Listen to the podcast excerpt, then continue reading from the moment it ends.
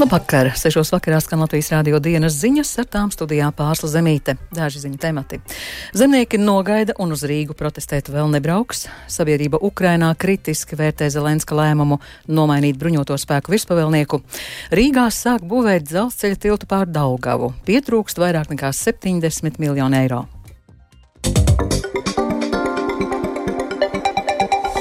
Zemnieku saima pēc vairāk kārtējām sarunām ar valdību pagaidām nolēma protestu Rīgā nerīkot. Šāds lēmums pieņemts, jo kopš pirmdienas, kad lauksaimnieki protestēja vairākās Latvijas pilsētās, sarunas ar amatpersonām sākušas virzīties ātrāk un jau iezīmēti konkrētāki risinājumi. Sarunas turpināsies nākamajā nedēļā, kad arī būs skaidrs, vai lauksaimnieku protests Rīgā būs, skaidro Zemnieku saimas valdes priekšsētājs Juris Lazdiņš paveiktais šajā nedēļā progress un ieplānotais nākošajā nedēļā dod mums šobrīd iespēju pārlikt pirmdienas protesta akcijas galvaspilsētā, bet tai pašā laikā mēs pieteikumu Rīgā sniedzam. Mēs nevaram šodien pateikt, kad būs. Jo, protams, kad uh, izvirzītās prasības un to uh, realizācija piecās dienās nebija iespējama, bet tai pašā laikā šis saīsinātais laika periods, ko mēs devām valdībai, deva to stimulu ļoti ātri pieķerties šiem jautājumiem un ātrāk viņus risināt. Patēriņa cenas šogad janvārī salīdzinājumā ar decembri pieaugušas par 0,8%. Savukārt gada laikā šogad janvārī salīdzinājumā ar pērnā gada janvāri palielinājās par 0,9%. Mēnesi iepriekš gada inflācija bija 0,6%. Tādi ir centrālās statistikas pārvaldes dati. Būtiskākā ietekme uz cenu līmeņa izmaiņām janvārī salīdzinot ar decembri bija ar mājokli saistītām precēm un pakalpojumiem, pārtikai un bezalkoholiskajiem dzērieniem, kā arī apģērbu un apaviem. Inflācijas rādītājs vērtē Latvijas Bankas prezidents Mārtiņš Kazāks. Šajā brīdī tas labais stāsts viennozīmīgi ir, ka inflācija ir sabremzējusies. Redzam, ka dažādu preču jomā tas cenas ir pat kritušās.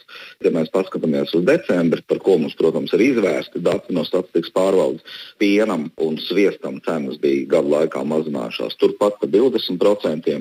Siltums ar mājokli saistītie izdevumi arī vairāk kā 10, tūlīt 20% samazinājums. Līdz ar to ir preču un pakalpojumu grupas, kur jau tas cenas ir sarukušas bet kopējā inflācija joprojām ir plusos, jo ir arī, protams, preču un pakalpojumu grupas, kur tas cenas joprojām nedaudz aug.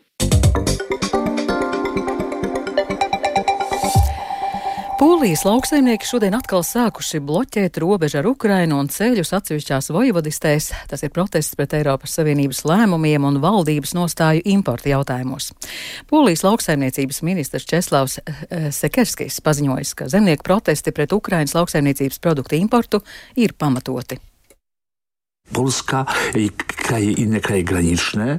Eiropas Savienības lēmums liberalizēt tirdzniecību, atverot bloka tirgu pārtikas preču pieplūdumu no Ukrainas bez muitas nodevām un bez kvotām, visvairāk ietekmējis Poliju un citas pierobežas valstis. Tāda palīdzības sniegšanas forma tika izvēlēta Ukrainai. Mēs saprotam palīdzību. Poļi to sniedza ļoti apņēmīgi un no sirds. Šobrīd veicam divpusējas sarunas ar Ukrainu par mūsu vēlmi noteikt konkrētas kvotas un apjomus, kurus mēs kontrolēsim. Ja tirgus būs pārsātināts ar pārtikas produktiem, tad notiks blokāda. Tikmēr Ukrainā sabiedrība pretrunīgi vērtē prezidenta Valdimira Zelenska lēmumu nomainīt bruņoto spēku virspavēlnieku. Jau vakar vēstījām, ka Ukrainas bruņoto spēku komandieris Valerijs Zalužņīs nomainīts pret sauszemes spēku komandieri ģenerāli Aleksandru Sirski. Savā pirmajā oficiālajā paziņojumā tautai Sirskis saziņas vietnē Telegram ierakstīja, ka Ukrainas armija ir jāmaina metodes, lai uzvarētu karā pret Krieviju. Tikmēr cilvēki Ukrainā Latvijas rādio teica, ka virspavēlnieka nomaiņa nepareizs lēmums. Одна людина, на жаль, нічого не вирішує. Viens cilvēks, diemžēl, nevar visu atrisināt. Viss ir atkarīgs no Eiropas atbalsta, ieročiem un visa pārējā. Jebkurā gadījumā no viena cilvēka tur nekas nevar mainīties. Patiesībā visiem patika Zalužnīs, visiem ukraiņiem. Viņa atlaišana visdrīzāk ir zaudējums. Nepareizs lēmums. Zirgus uz pārmijām nemaina. Kamēr notiek karš, tas ir muļķīgs lēmums. Pēc kara lai dara, ko grib. Slikts lēmums. Ģenerālis Zalužņīs divus gadus bija klāt mūsu valstī vismagākajos brīžos, un mums liekas, ka viņš labi tika galā ar savu uzdevumu. Bet tagad mēs nezinām, ko gaidīt. Možnā jau pa svojam skažu. Zelenski p***s. Vipaši tā. Drīkst es pa savam pateikšu. Zelenskis ir p***s. Atvainojiet vienā vārdā.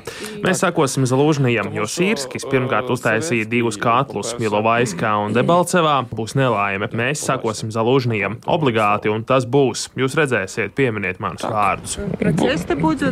Vai būs kādi protesti?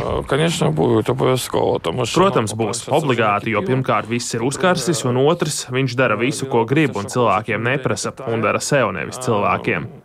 Він робить для себе, а не для людей. Тому Зеленський. Зеленський? Так, так, так. так. Yeah, yeah, jā.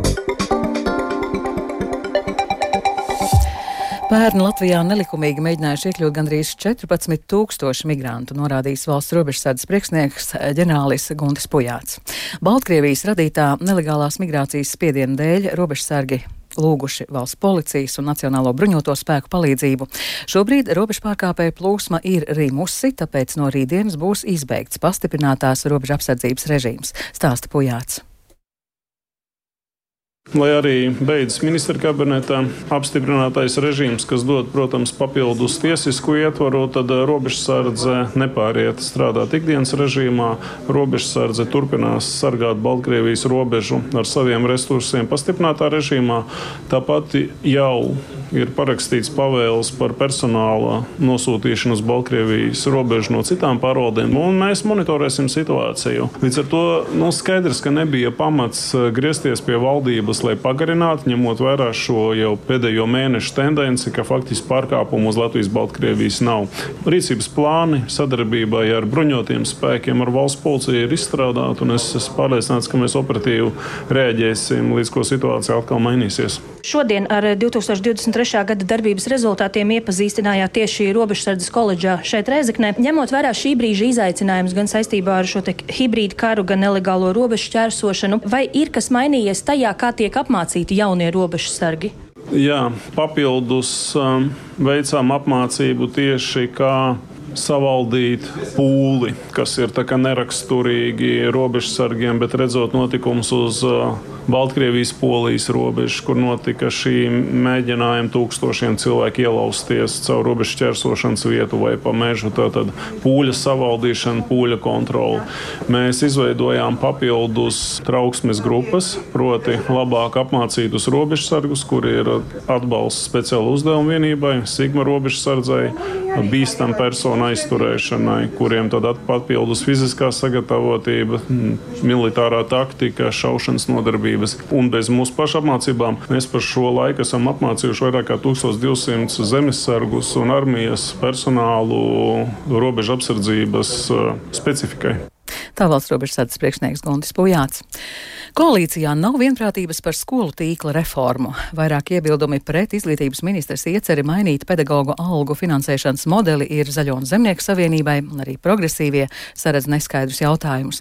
Zaļo un Zemnieku savienības deputāti uzsver, ka skolu pastāvēšanas jautājumā svarīgi ne tikai kvantitatīvie rādītāji, bet arī izglītības kvalitāte konkrētajā skolā. Tāpat esot jāizvērtē situācija katrā novadā un jāraugās uz šo ieceri kontekstā ar reģionālās attīstības jautājumiem. Turpina Zaļo un Zemnieku savienības frakcijas vadītājs Harijs Rokpelnis.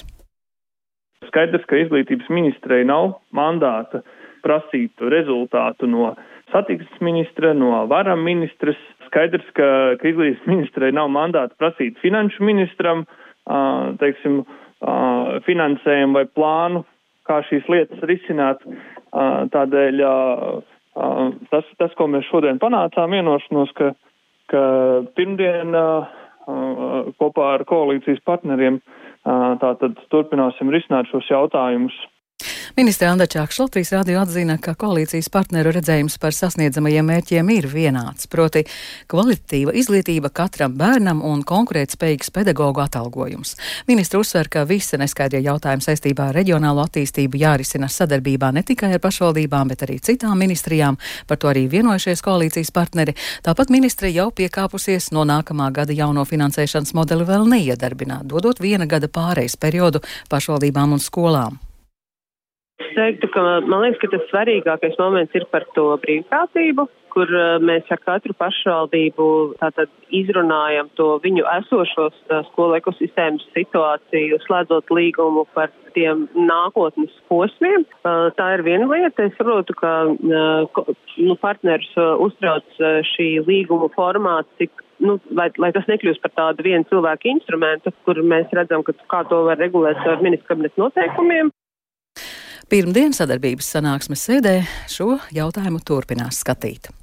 Rīgā sāk būvēt kilometru garo Rail Baltica tilta pār Daugavu. Tilts atradīsies centrāla tirgus pusē un to būvē paralēli esošajam dzelzceļa tiltam, tomēr jau iepriekš izskanējis, ka nauda pietiek vien daļai no tā. Turklāt konstrukciju un dizaina dēļ būvnieki šo tiltu devē par Eiropā unikālu.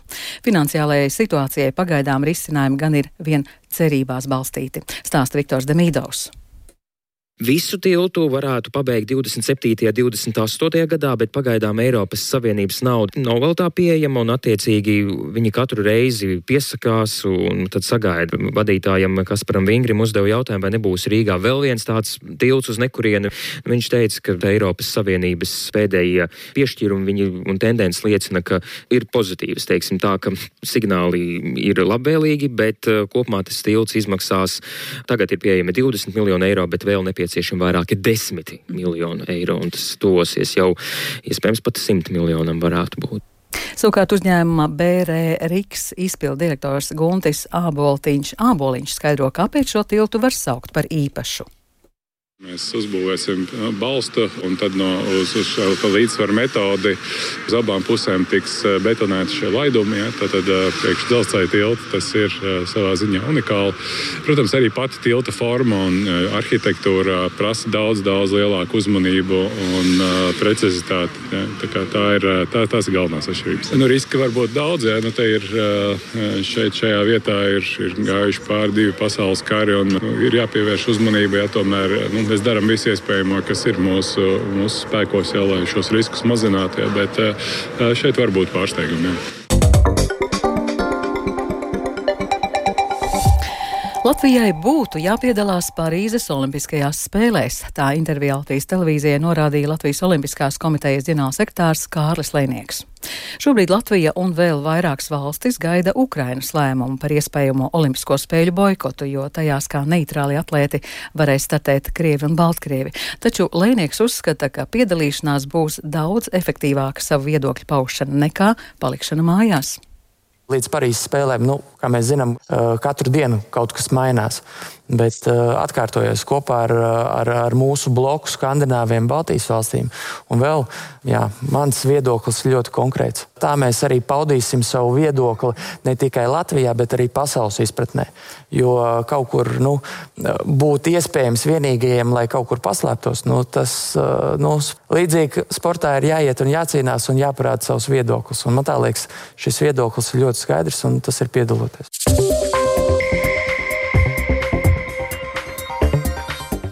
Un ar to izskan Latvijas radio dienas ziņas. Producents Viktors Pupiks, ierakstus montēja Kaspars Groskops, par labskaņu rūpējās Mātiņš Paeglis, ar jums runāja Pārsla Zemīte, vēlīs par svarīgāko.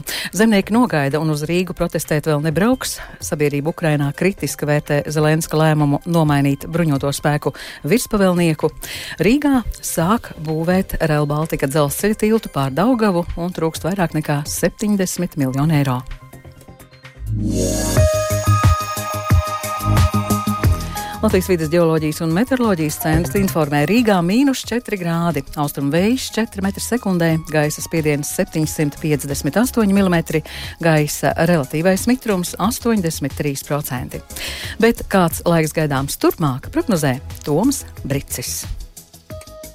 Sestdien visā Latvijā vēl valdīs saules. Agri no rīta temperatūra būs no mīnus 3 līdz mīnus 8 grādiem, daudz vietā vidzemē un latgalē ap mīnus 15 grādiem.